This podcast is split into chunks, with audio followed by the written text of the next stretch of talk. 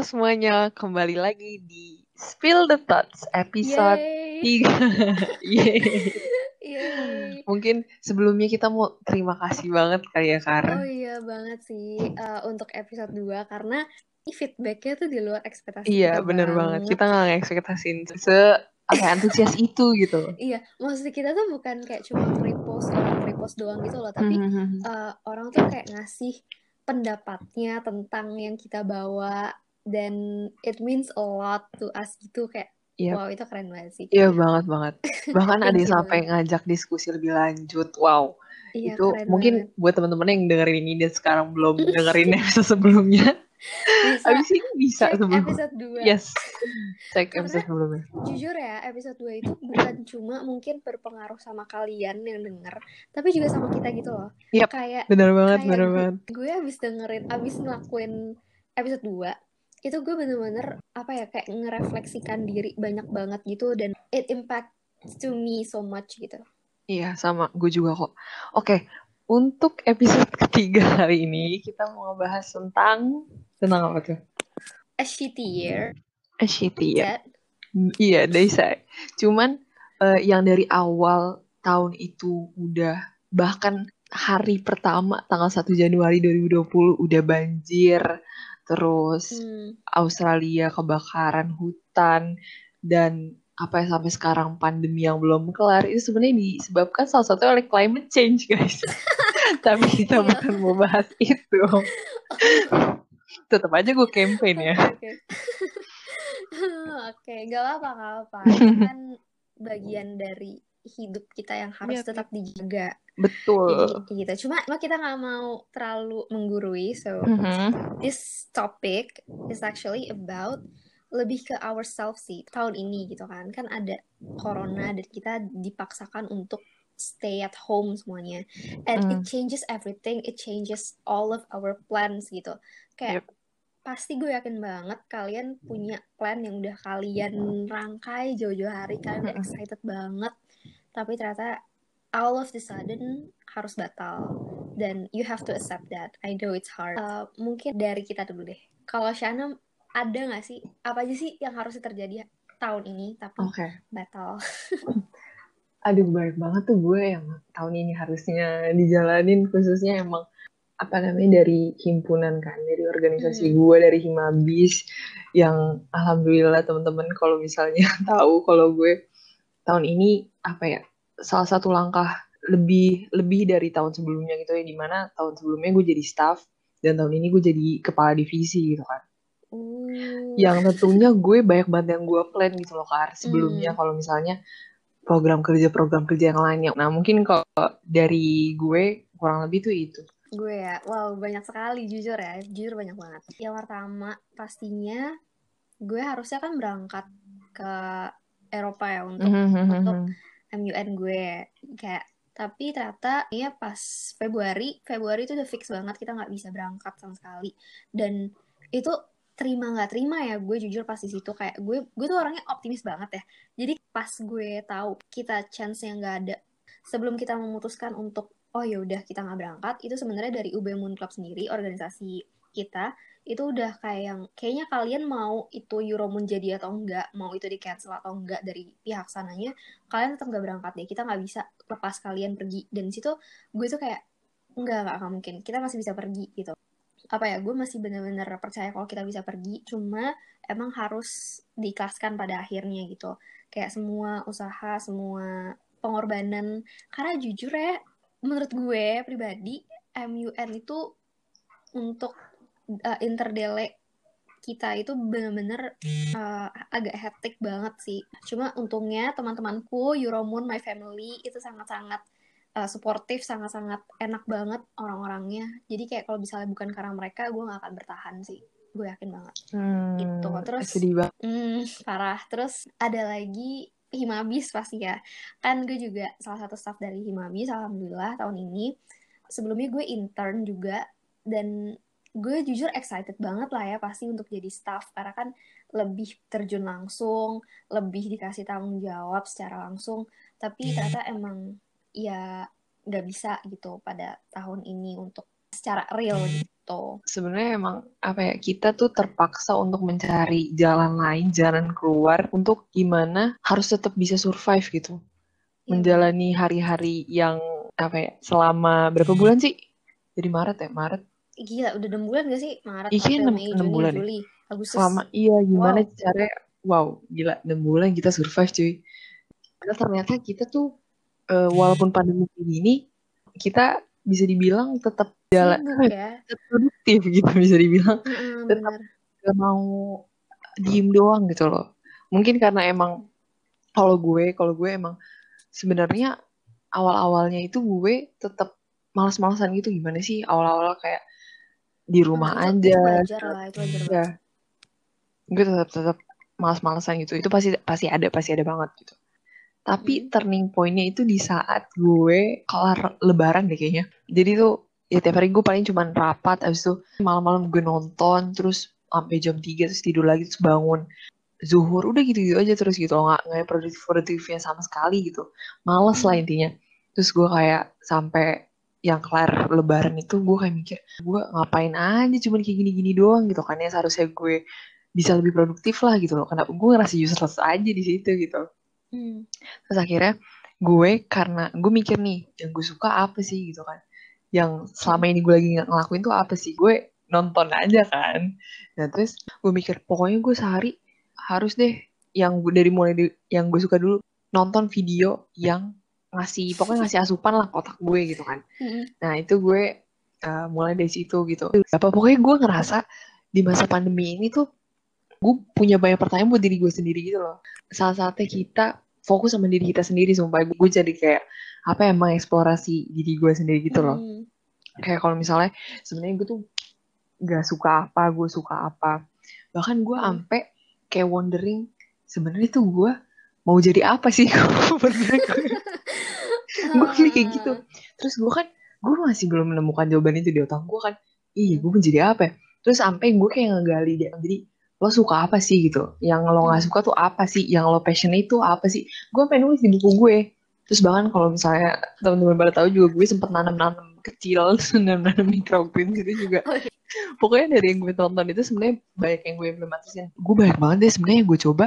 Sebenarnya lebih self develop gue sih. Gue kayak ngerasa gue sampai nyari yang tadi gue bilang kalau misalnya apa yang gue suka segala macem gue bahkan nyari kayak gimana sih gue buat mencapai ikigai gue gitu. Hmm. ya, makanya gue menggali diri gue sendiri uh, apa namanya di masa-masa pandemi ini pokoknya sebenarnya banyak banget gitu yang gue yang gue dapet bahkan gue kayak jadi mikir kalau misalnya gue sebenarnya tuh harus bersyukur gitu iya, loh bener, bener. dengan apa yang sebenarnya sebelumnya yang apa ya sesimpel lu bisa kuliah jalan hmm. atau lu keluar rumah tanpa worry hmm. apa pun itu sebenarnya yang sebelumnya kita kayak ya udah lah ya cuman kan kita kan di sini kan ngerasain aja kayak oh ternyata itu sebenarnya nikmat juga gitu loh itu hal yang seharusnya kita syukurin gitu. baru kerasa kalau bisa itu diambil iya. gitu ya.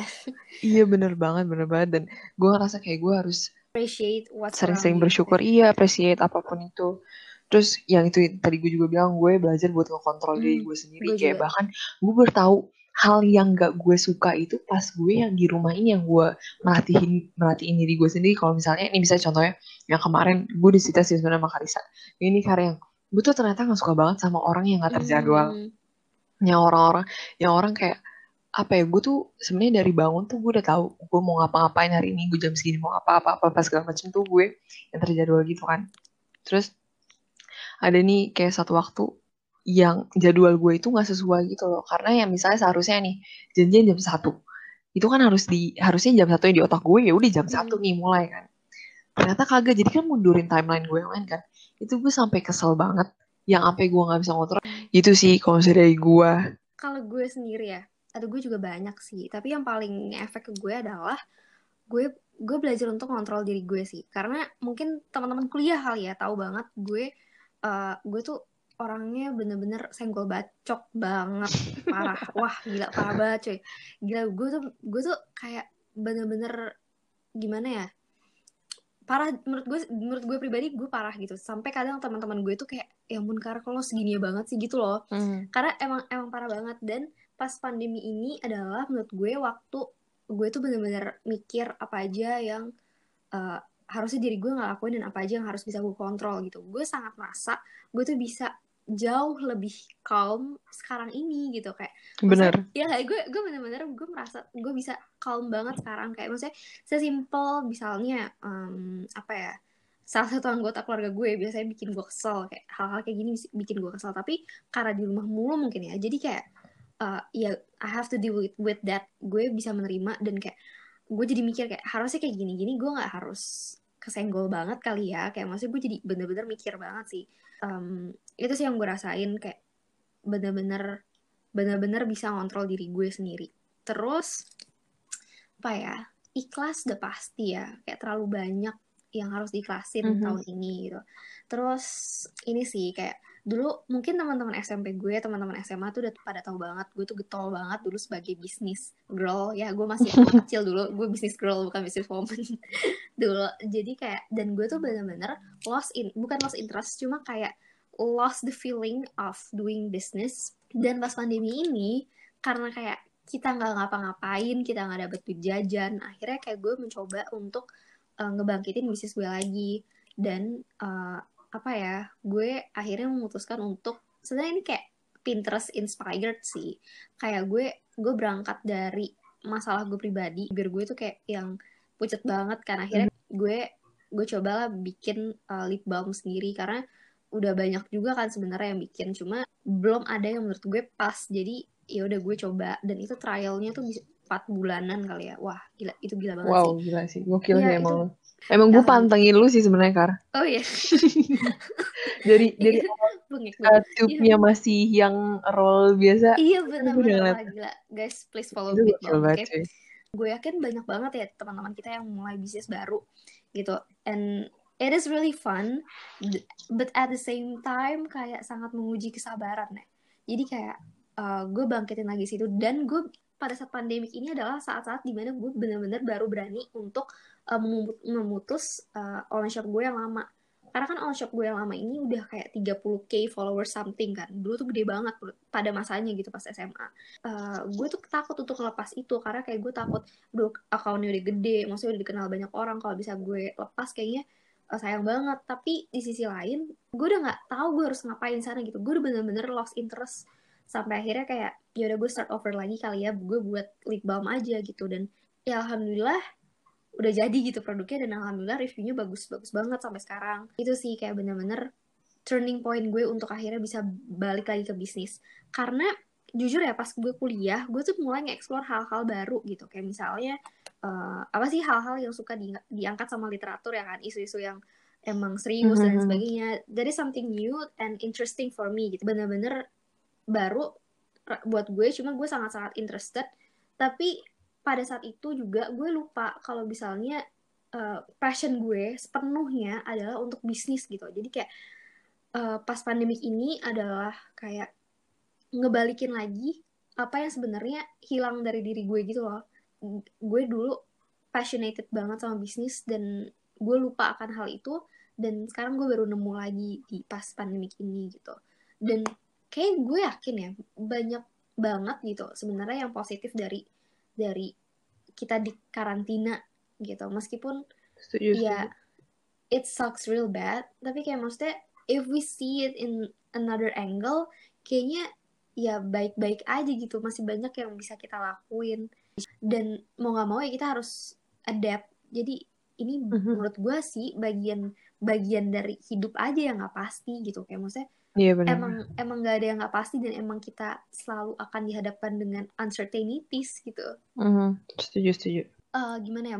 Menurut gue kayak banyak banget banyak banget orang-orang nggak cuma yang saat ini nggak cuma saat ini aja ya cuma kayak misalnya dalam hal-hal lain misalnya gue waktu itu SBM gue pengen ngincer banget UI tapi ternyata nggak keterima dan gue malah keterima di UB tapi uh, turns out malah UB yang paling baik untuk gue gitu. Maksudnya eh, hal-hal kayak gini itu nggak mungkin menurut gue nggak mungkin terjadi kecuali itu baik buat kita gitu loh mm-hmm. mungkin kayak emang ini dikasih kayak maksudnya situasi ini dikasih untuk kita sama-sama belajar rame-rame gitu loh. Kayak mm. pasti pasti ada sisi, pasti ada sisi ya, baiknya pasti ada sisi baiknya nggak mungkin enggak. Iya, tapi kalau bisa lo liatnya cuma dari uh, dari mana ya? Dari angle yang jelek aja ya lu nggak bakal maju gitu ke angle yang positif. Mungkin kayak gimana ya? Mungkin merubah cara pandang lo kali ya karena kalau bisa gue pribadi gue dari awal pandemik pun gue nggak sebenarnya nggak mikir yang terlalu jatuh banget sih.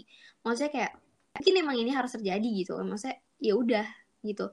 Bukannya gue pasrah cuma kayak the only thing that I can do ya cuma adapt with that gitu. Ada banyak banget hal-hal yang gue syukurin gitu.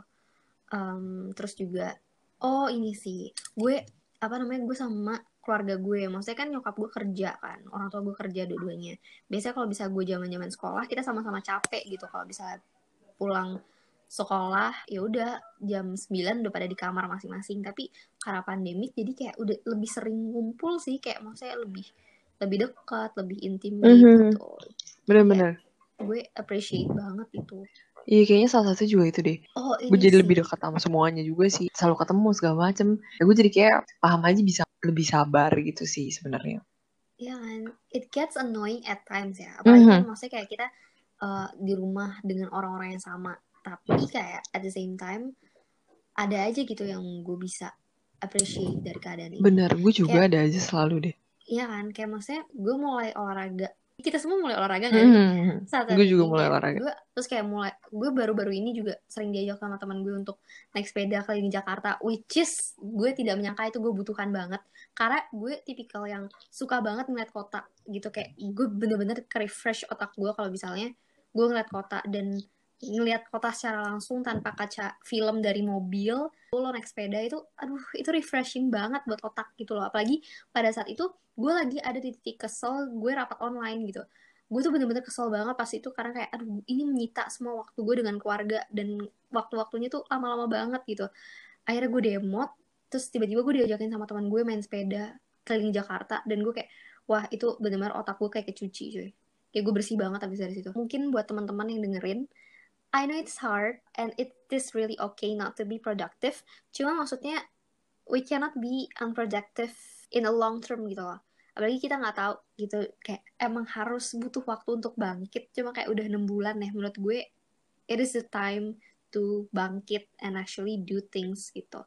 Dan hidup emang uncertain dan gak semuanya sesuai dengan plan kita. Itu yang gue belajar banget sih kayak maksudnya banyak banget hal-hal yang gak sesuai plan gue. Cuma turns out itu jadi yang bener-bener terbaik buat gue gitu. Percaya aja kalau abis ini ada sesuatu yang lebih baik gitu. Or you can make some different things to be better gitu. Iya bener banget. Emang sebenarnya jalan Tuhan emang gak pernah salah sih itu yang harus kita sama-sama percayai adalah itu. Jadi apa ya jangan jangan terlalu berlarut-larut dalam kesedihan gitu tujuan kita sebenarnya bikin podcast ini adalah kita apa ya sama-sama mau nge-encourage kita semua supaya ayo kita jangan sedih-sedih lagi iya, dalam kurun kan? waktu kita udah over yang tahun ini menurut gue udah iya. over harusnya udah, udah kayak kita harusnya udah bangkit deh menurut gue udah enam bulan ya sis iya benar-benar waktu kita untuk tahun 2020 ini tinggal sedikit lagi gak sih hmm. udah ya udah di akhir tahun lah kita udah masuk akhir tahun gitu sebenarnya tadi yang Karisa bilang it's okay to be unproductive tapi ya kita nggak bisa berlama-lama untuk berleha-leha gitu nggak bisa karena, meratapi nasib terus-terusan iya gitu. iya benar karena dengan kita berleha-leha aja banyak banget hal yang kita lewatin lewatkan gitu hmm. dan semoga yang kita harapkan adalah ayo kita sama-sama memanfaatkan hmm. memanfaatkan waktu-waktu seperti ini kayak misalnya contohnya itu yang dari kayak kita nyari tahu tentang diri kita sendiri supaya kita bisa lebih paham gitu loh. Itu salah satunya yang bisa kita lakukan di masa pandemi ini dan itu bukan cuma gitu. Itu bukan hal satu hal doang gitu. Itu hal sebenarnya mempelajari diri sendiri itu sebenarnya sedikit sulit, sulit-sulit. Iya. Sulit-sulit gampang lah. Tapi kalau misalnya emang kita belajar terus-terusan lebih paham gitu, mungkin kita bisa. Semoga teman-teman ambil baiknya aja. Karena maksudnya tuh kayak masih banyak nggak tahu sih masih banyak atau enggak cuma kayak gak cuma saat ini doang sih tapi hal-hal yang tiba-tiba di luar rencana kita terus kayak banyak yang langsung pesimis dan langsung patah hati langsung kayak gimana. Mm -hmm. tapi enggak kayak maksudnya we have to look in another angle dan ini klise dan maksudnya ini susah cuma be optimist and positive gitu itu harus itu harus itu harus. Gitu. gitu deh. We're all in this together dan yep. Lincoln ID semua orang udah banyak di webinar gitu. Jadi kayak jangan ketinggalan aja guys. Karena gue iya, juga iya, ketinggalan. Gitu tadi yang kata Karisa kalau misalnya kita semua tuh dalam posisi yang sama karena emang gak ada yang bisa disalahin, gak ada yang bisa di yang harus dipertanggungjawabkan tuh gak ada karena kita sama-sama nggak tahu dan kita hmm. sama-sama ngejalanin ini gitu. Jadi kita harus mulai dari diri kita sendiri buat merubah semuanya atau mencari jalan lain gitu sih. So that's it for today. Yes. And thank you so much dan see you in the next episode. Bye. Bye.